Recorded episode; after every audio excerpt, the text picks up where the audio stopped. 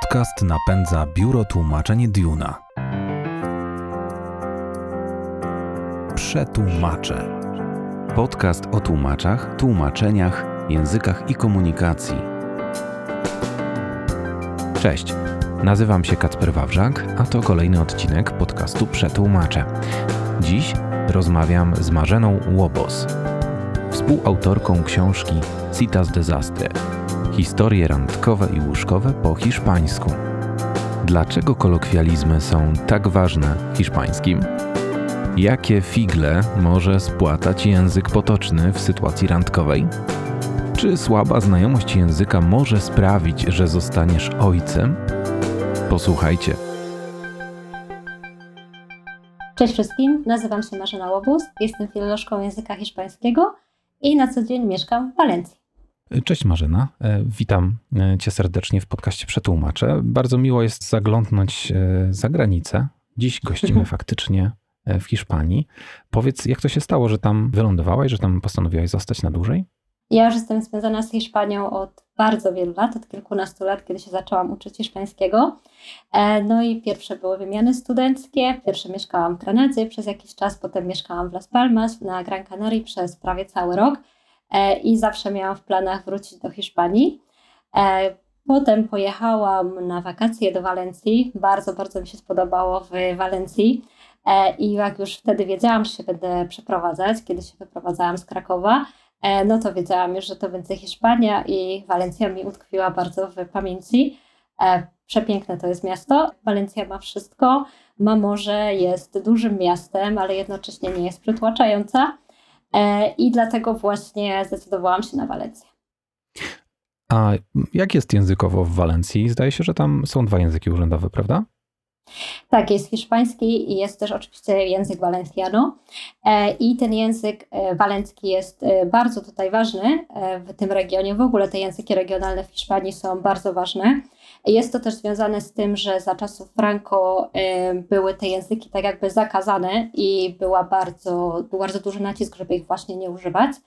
Mm, dlatego później nastąpiło takie odbicie i teraz te języki regionalne są bardzo pielęgnowane. Tak jak właśnie na przykład baskijski, jak kataloński, e, no i ten właśnie valenciano, który jest tutaj w Walencji. Ogólnie czasem na ulicy można spotkać ludzi, którzy mówią ze sobą właśnie w tym języku. Mm, są oczywiście normalnie w sklepie, jak jedziemy do supermarketu, e, raczej będzie to hiszpański. Natomiast na przykład jak wsiadamy do autobusu, pierwsze jest komunikat na przykład Valenciano, że się zamykają drzwi, a potem jest po hiszpańsku. Czasem są jakieś ulotki, które są tylko Valenciano. E, I czasem się zdarzy, że na przykład moi znajomi, którzy są z Walencji, na chwilę przechodzą właśnie na walencki albo na przykład w grupie na WhatsAppie, w której na przykład jestem, wszyscy piszą po hiszpańsku i nagle ktoś zaczyna pisać po, e, po walencku. I jak sobie wtedy radzisz? Jak sobie radzisz z tą odmianą? E, no nie, nie radzę sobie za bardzo, szczerze mówiąc. E, nie chcę sobie dokładać więcej języków romańskich, bo ja też mówię po portugalsku, więc to jest za duży byłby już miks.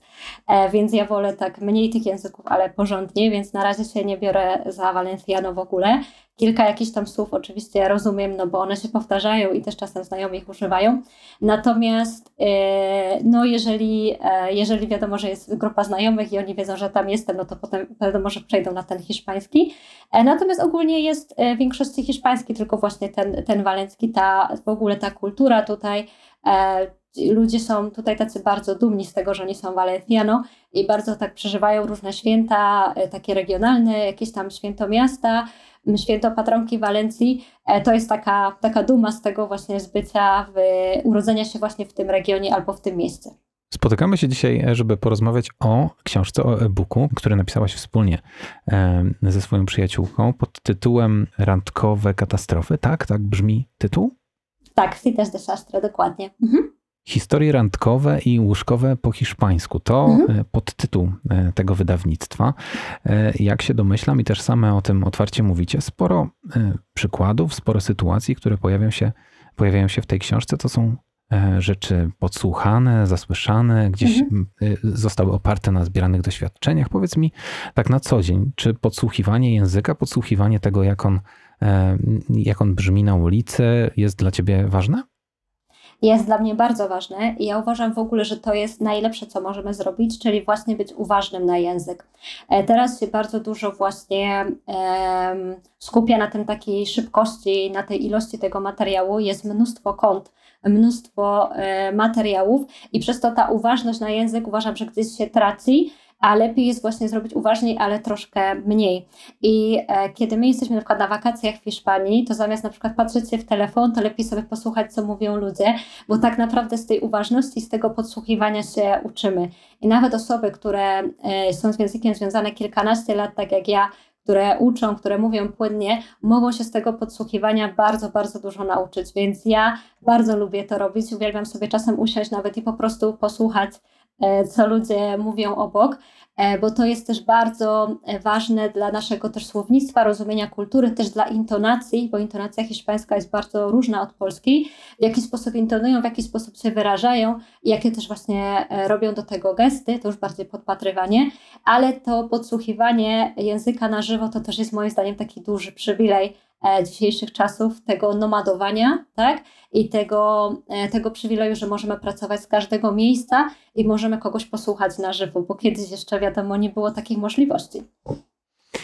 No ale język potoczny e, faktycznie może się przydać w pewnych sytuacjach, w niektórych niekoniecznie. No nie wiem, pracujemy z, z językiem hiszpańskim, to tutaj chyba nie, nie do końca, może na co dzień, choć może gdzieś przy kawie w kuchni, no ale są takie sytuacje, w których rzeczywiście e, ta odmiana potoczna języka, te kolokwializmy będą najbardziej potrzebne. Wiesz pewnie do czego dążę, ale powiedz tak, co sądzisz ogółem o tym, kiedy, kiedy kolokwializmy są najbardziej przydatne w języku obcym? To znaczy, uważam, że sytuacja w hiszpańskim jest w ogóle taka bardzo specyficzna, ponieważ ten język potoczny naprawdę pojawia się na bardzo wielu poziomach i w bardzo wielu sytuacjach, nawet takich powiedzmy dosyć oficjalnych, możemy powiedzieć. Ja mogę tutaj opowiedzieć o moim takim doświadczeniu, kiedy jeszcze mieszkałam w Londynie, kiedy miałam szefów, którzy byli Hiszpanami i szefów, którzy byli Brytyjczykami. I to jest totalnie inny świat. Może to być ta sama rozmowa, to samo spotkanie, ale ten rejestr językowy, to e, ten rejestr między e, formalnym a nieformalnym jest od razu inaczej ustawiony w naszym języku, w polskim, w angielskim i w hiszpańskim. I przez to, że hiszpański jest takim językiem bardzo bezpośrednim, w większości sytuacji mówimy na ty, e, oczywiście forma pan, pani istnieje, ale nie jest aż tak używana, to od razu przez to, że my mówimy na kogoś, e, komuś e, na ty, do kogoś na ty, przepraszam, to od razu inaczej będziemy się do tej osoby zwracać niż na przykład na pani, tak jak w polskim e, zaczynamy rozmowę. I teraz przez to, że mówimy na ty, od razu ten, obniża się ten rejestr językowy do takiego bardziej e, nieformalnego i dlatego ja zawsze mówię, że te kolokwializmy w hiszpańskim przydają się tak naprawdę wszędzie, bo osoba, której nie znamy, może już do nas podejść i już mówić do nas językiem kolokwialnym, bo ten dystans jest od razu zmniejszony. Tak? Hiszpanie podchodzą bardzo blisko, dotykają się, są tacy bardzo y, uczuciowi, bardzo wylewni, e, więc tak naprawdę może się nam, e, możemy sobie myśleć o kolokwializmy, no wiadomo, wszędzie jest potrzebny język potoczny. Tylko jak sobie tak porównuję, porównywałam przez kilkanaście lat polski, hiszpański, angielski, to ten hiszpański się wybija właśnie ze względu na charakter Hiszpanów. Oczywiście jest to generalizacja, Hiszpanie z północy są inni, z południa są inni, ale jednak to mówienie na ty i ta bliskość i ta bezpośredniość wpływa na to, że ten język potoczny jest tak ważny. No i też właśnie z tej potrzeby wyszedł nasz e-book, kiedy zorientowałyśmy się, że ten język potoczny pojawia się praktycznie w każdej sytuacji życiowej i że nieznajomość tego języka na początku w Hiszpanii może każdemu sprawić e, dosyć dużo trudności mogą się nadarzyć katastrofy. Mogą się wydarzyć katastrofy nawet, prawda? Nie tylko no, randkowe. No a czy, czy w tej klasycznej szkole, czy ogółem e, najpopularniejszych szkołach języka hiszpańskiego kolokwializmy nie są wystarczająco popularyzowane? To znaczy teraz e, sama też pracując na podręcznikach widzę, że te książki są już inne, troszkę się zmieniają i te um, rozmowy są bardziej naturalne niż na przykład książki, z których ja się uczyłam jak miałam 16 lat, czyli jakieś już prawie ponad 15 lat temu i już się pojawiają, widzę też właśnie na, na nowych wydaniach jakieś właśnie takie wykrzyknienia, um, kolokwializmy, jakieś takie na przykład rozmowy między nastolatkami. Kiedyś tego nie było. Natomiast i, i tak to wprowadzanie kolokwializmów jest troszeczkę problematyczne, no bo wiadomo, że na początku uczeń się musi nauczyć podstaw, więc my mu nie możemy go zarzucić kolokwializmami. Natomiast warto gdzieś tam, że w początku powiedzieć, ok, Książkowo jest tak, ale Hiszpan by to tak naprawdę powiedział tak, nie? Natomiast to, co najbardziej e, moim zdaniem kuleje i z tego co wiem, to nie za bardzo się coś tam zmieniło w tym wypadku, to jest właśnie nauka języka na studiach, czyli na filologii hiszpańskiej, gdzie ja w ogóle nie miałam takich zajęć. Nawet zajęcia z native'em były dosyć takie formalne, dosyć takie książkowe, i tak naprawdę, żeby się nauczyć języka kolokwialnego, potocznego, trzeba było pojechać do Hiszpanii, tak? Bo nie było po prostu innej możliwości. Nawet nie było wtedy Netflixa, nie było seriali, więc nie można było skąd posłuchać. No i właśnie to jest też to, że potem studenci filologii, którzy nie są obyci z takim językiem potocznym mówionym, wychodzą do uczenia e, innych e, osób, no i znowu uczą tego, co ich nauczyli na studiach, wiadomo, prawda? No i potem znowu kolejni nauczyciele uczą kolejnie, kolejnych rzeczy w taki sposób.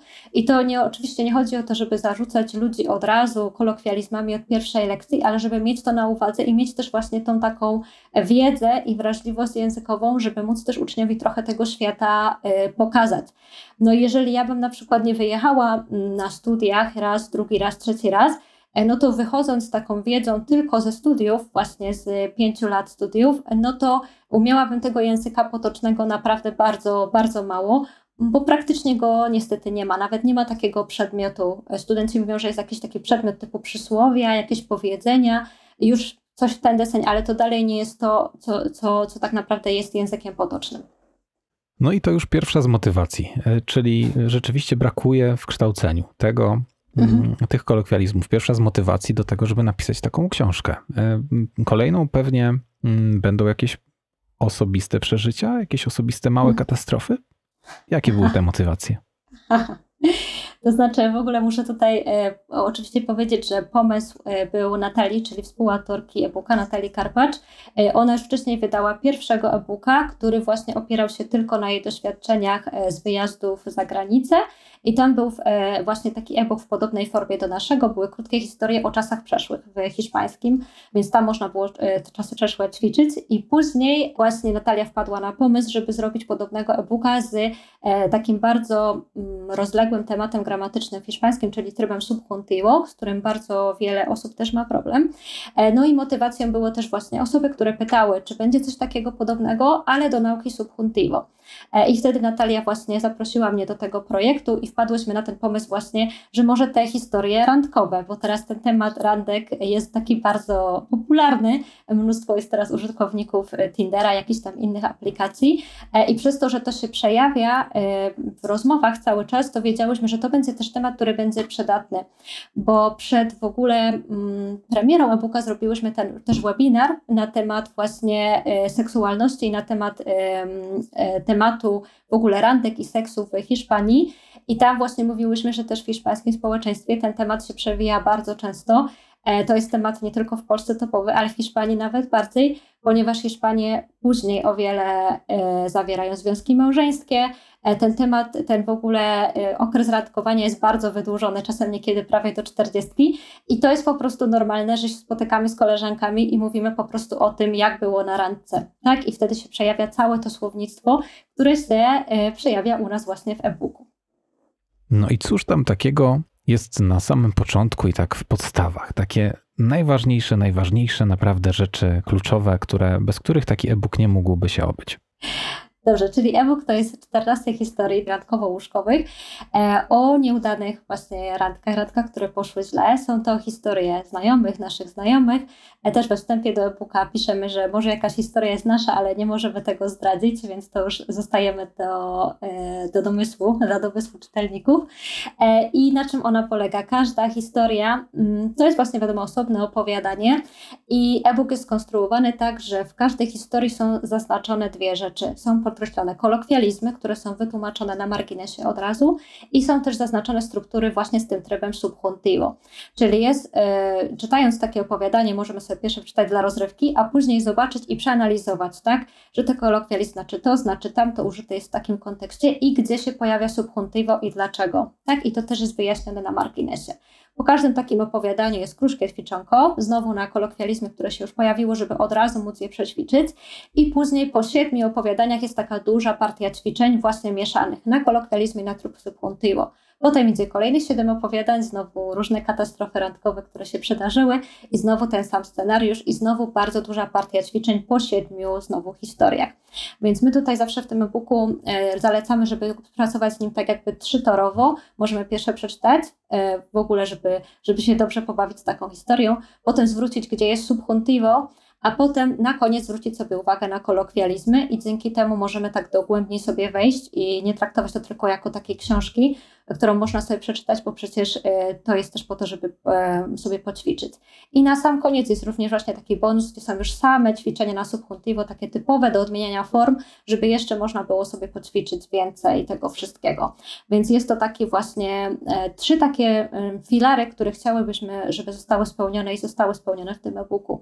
Czyli właśnie czytanie, rozrywka, żeby też ta książka nie była nudna, żeby się nie nużyć przy niej, Później jest ten tryb subjuntivo, który jest bardzo problematyczny dla uczniów i na koniec właśnie ten język potoczny, te zwroty nie tylko randkowo-łóżkowe, bo jest tam mnóstwo innych zwrotów, które są tak naprawdę na co dzień używane przez Hiszpanów, więc zależało nam na takim kompleksowym produkcie, który będzie spełniał różne oczekiwania, tak? Bo często na przykład y, uczniowie biorą książkę i mówią, ta książka jest dla mnie za długa, albo się męczą, bo jest za trudna, albo na przykład ich bardzo irytuje, że muszą cały czas chodzić do słownika. Więc gdzieś tam wszystkie te problemy próbowałyśmy rozwiązać, tak? Więc zwrócić uwagę na tą gramatykę, zwrócić uwagę, żeby były krótkie opowiadania, żeby nie było takiego uff, ile jeszcze do końca zostało. Plus właśnie na koniec, żeby te kolokwializmy się pojawiły i żeby były od razu wyjaśnione na marginesie, wtedy sobie tylko zerkamy, wracamy, zerkamy, wracamy i nie musimy szukać znaczeń, szczególnie, że bardzo dużo wyrażeń potocznych e, nie ma odpowiednika, są zrobione opisowo mm, albo są przetłumaczone w taki sposób e, typowy dla jakiegoś kontekstu. I nawet ostatnio miałam e, lekcję z jedną uczennicą, która mówi, że właśnie nie znalazła nigdzie tłumaczenia żadnego, że dobrze, że jest ta kolumna, bo, bo po prostu nie była w stanie znaleźć jakiegoś dobrego przetłumaczenia na polski. Ciekaw jestem, czy w Polsce znalazłyby się takie zwroty, które naprawdę wymagałyby jakiegoś szczególnego e, tłumaczenia, takie zwroty typowo randkowe. No ale powiedz proszę, jakie są e, te zwroty używane w sytuacjach randkowych po hiszpańsku, e, które mogłyby zaskoczyć osobę, powiedzmy, która już troszeczkę pouczyła się hiszpańskiego, poszła na jakąś randkę, uczestnik bądź uczestniczka tej randki coś powiedziała i tak nie do końca wiadomo o co chodzi. Albo Aha. Można się domyślić o co chodzi, ale jakby no nie ma, e... dobra, nie ma tej pewności.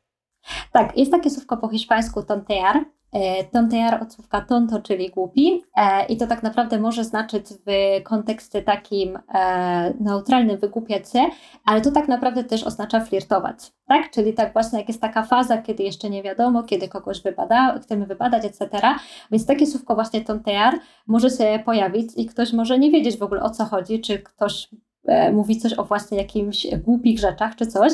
E, jest takie słówko po hiszpańsku flirtear, właśnie odflirtować, natomiast jego się używa e, rzadko i może troszkę też sztucznie brzmieć, więc na przykład to tontear jest takim słówkiem dosyć takim podchwytliwym, może być. Też jest taki zwrot po hiszpańsku, on też chyba Polsce działa z tego co wiem.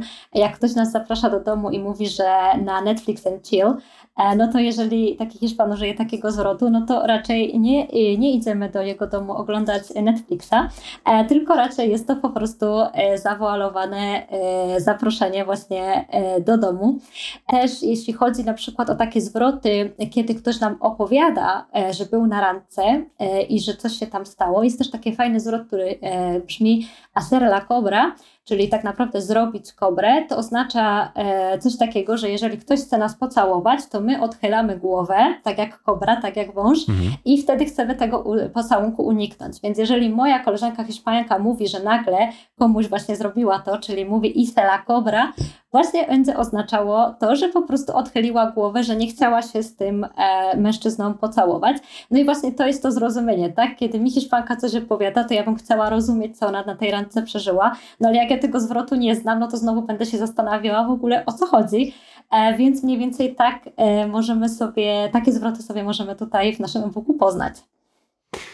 A kiedy już je poznamy, to na pewno łatwiej nam będzie szło E, w takich sytuacjach, oczywiście, ale e, to chyba przyda się nam również taka, taki zasób słownictwa, przyda się nam również w innych sytuacjach, chociażby przy wspomnianym Netflixie, przy wspomnianych e, serialach, czy jeżeli chodzi o tę popkulturę mm, hiszpańską, to Tam również gości dużo języka potocznego?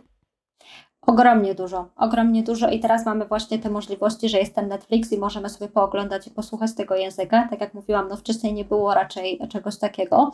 I właśnie teraz mamy dlatego problem z uczniami, że oni włączają serial po hiszpańsku, na przykład taki bardzo sławny serial Valeria, który wiem też, że oglądają osoby, które nigdy się nie uczyły hiszpańskiego i nagle mówią do mnie, Marzena, ja tam nic nie rozumiem tak?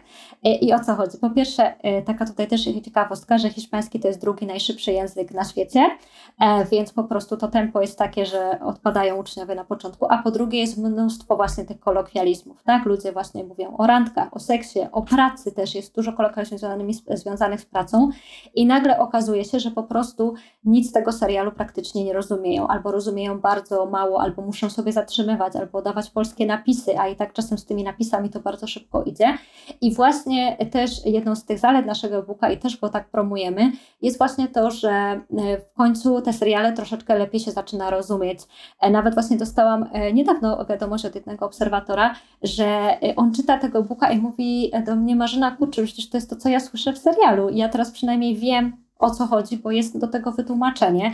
A jak oglądamy ten serial, no to ciężko nam jest stopować cały czas, bo też nas to irytuje.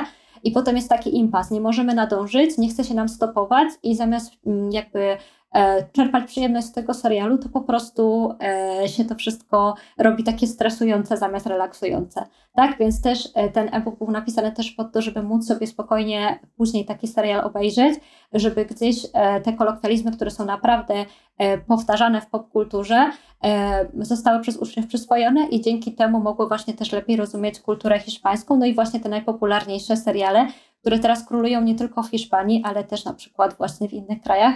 E, też w Polsce właśnie był ostatnio najbardziej popularny Valeria i ten serial Elite, e, też taki o nastolatkach, e, też z mnóstwem właśnie, mnóstwem wyrażeń z języka potocznego. A powiedz mi więcej o tym, jak zbierane były te historie, może nie tyle same historie, co jak zmierzyłyście to zapotrzebowanie na wytłumaczenie tych, a nie innych kolokwializmów. Jak te kolokwializmy gdzieś pojawiały się w notatniku? Czy chodziło o ich częstotliwość pojawiania się, czy właśnie taką raczej e, istotność w, w życiu prywatnym, w tych sytuacjach randkowych? Jak prowadziłyście te selekcje? No bo przecież ilość miejsca jest gdzieś tam ograniczona. Mhm. Czyli tak, wiedziałyśmy na początku, tak jak Ci wspominałam, że temat y, randkowy jest ważny, że jest ważny dla naszej popkultury dla hiszpańskiej popkultury, dlatego ten temat był już e, wybrany. No i potem właśnie przypominałyśmy sobie różne historie, tak? E, jakieś właśnie ktoś nam opowiedział, a jak gdzieś usłyszałam, a potem ktoś mówi, a Ty piszesz tego e-booka, to ja przecież miałam taką historię, więc potem zaczęłyśmy zbierać historie, ja siedem, Natalia swoje siedem. E, no i później już w procesie pisania po prostu, wiadomo, mając na co dzień kontakt z językiem, językiem, zarówno ja i Natalia, jesteśmy usłuchane z tymi kolokwializmami, też te, które się pojawiają w serialach, więc pisząc każdą historię, starałyśmy się gdzieś te kolokwializmy naj bardziej popularne włączyć.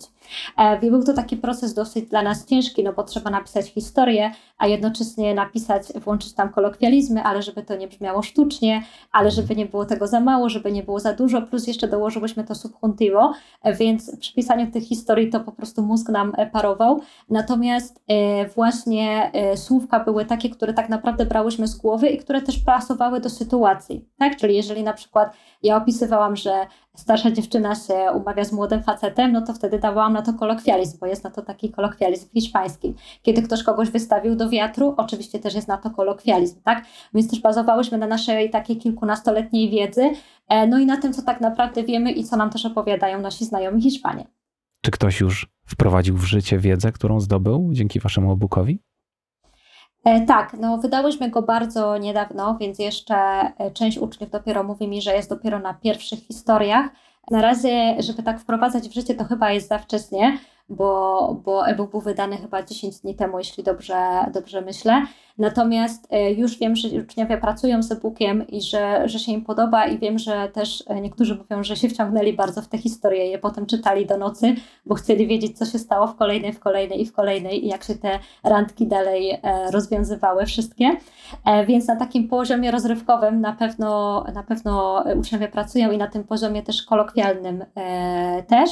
E, I też mamy uczniów, to też nas bardzo zadowoliło, którzy e, widząc, jak e, dużo się pojawia też tego trybu subjuntivo, na przykład piszą do nas, czy o, możemy im polecić jakieś jeszcze książki do gramatyki, żeby jeszcze na to subjuntivo spojrzeć z takiego bardziej gramatycznego, szkolnego punktu widzenia i żeby też lepiej rozumieć użycie tego subjuntivo w e-booku. Więc też wydaje mi się, że na tym polu gramatycznym uczniowie zaczynają pracować i że to daje naprawdę bardzo fajne owoce. To, jak opisujecie to w sieci, rzeczywiście jest bardzo kuszące i na pewno nie chciałbym tutaj psuć niespodzianek y, czytelnikom, y, ale jedna sprawa bardzo mnie i myślę, że słuchaczy i słuchaczki również y, zainteresuje. Ja wiem, że boimy się wszyscy takich sytuacji, kiedy faktycznie coś niebezpiecznego może się wydarzyć przez lapsus językowy, przez błędnie użyte, użyte słowa. E, na waszej stronie znalazłem jedno z takich niebezpieczeństw e, i po prostu włosy e, dęba stają, więc może cokolwiek o tym proszę cię zdrać. Jak słaba znajomość języka może sprawić, że zostaniesz ojcem? Tak, to jest e, historia prawdziwa, tak jak wszystkie zresztą w naszym e-booku i trudno ludziom jest w to uwierzyć, ale to jest historia, którą ja pisałam i ja y, została mi opowiedziana przez taką zaufaną osobę. Tu akurat chodziło nie o znajomość języka hiszpańskiego, ale języka angielskiego. Mhm. Ta historia się nazywa El Padre Inconsciente, czyli nieświadomy ojciec e, i właśnie jest ona o tym, że po prostu e, pewna osoba, żeby nie zdradzić wszystkiego, idąc na tą randkę, e, miała już pewne plany, co do tej drugiej osoby i przez nieznajomość języka e, angielskiego w tym wypadku, e, no e, osoba, która szła na, na randkę, wydawałoby się na niewinną randkę, mogłaby właśnie zakończyć, zakończyć tą randkę tak, że zostałaby właśnie w przyszłości ojcem. Tyle Wam mogę powiedzieć. Aj, myślałem, że będzie troszkę więcej szczegółów. No nic, drodzy słuchacze i słuchaczki, jeżeli chcecie poznać te historie i inne pozostałe 13 historii, musicie wybrać się na stronę e, estudiaconnata.com, gdzie znajdziecie Citas Desastre, historie randkowe i łóżkowe po hiszpańsku, e-book autorstwa Marzyny Łobos i Natalii Karpacz. Tobie Marzena bardzo dziękuję za to przemiłe spotkanie i y, proszę Cię pozdrów Hiszpanię od nas. Tu w Polsce obecnie minus dwa stopnie. Dziękuję bardzo za rozmowę. Dziękuję Wam bardzo, dziękuję wszystkim słuchaczom, no i mam nadzieję, że spodobają się Wam Citas de Sastre. Wam również, drodzy słuchacze i słuchaczki, bardzo dziękuję za uwagę i już teraz zapraszam do wysłuchania kolejnych wydań podcastu Przetłumaczę. Do usłyszenia.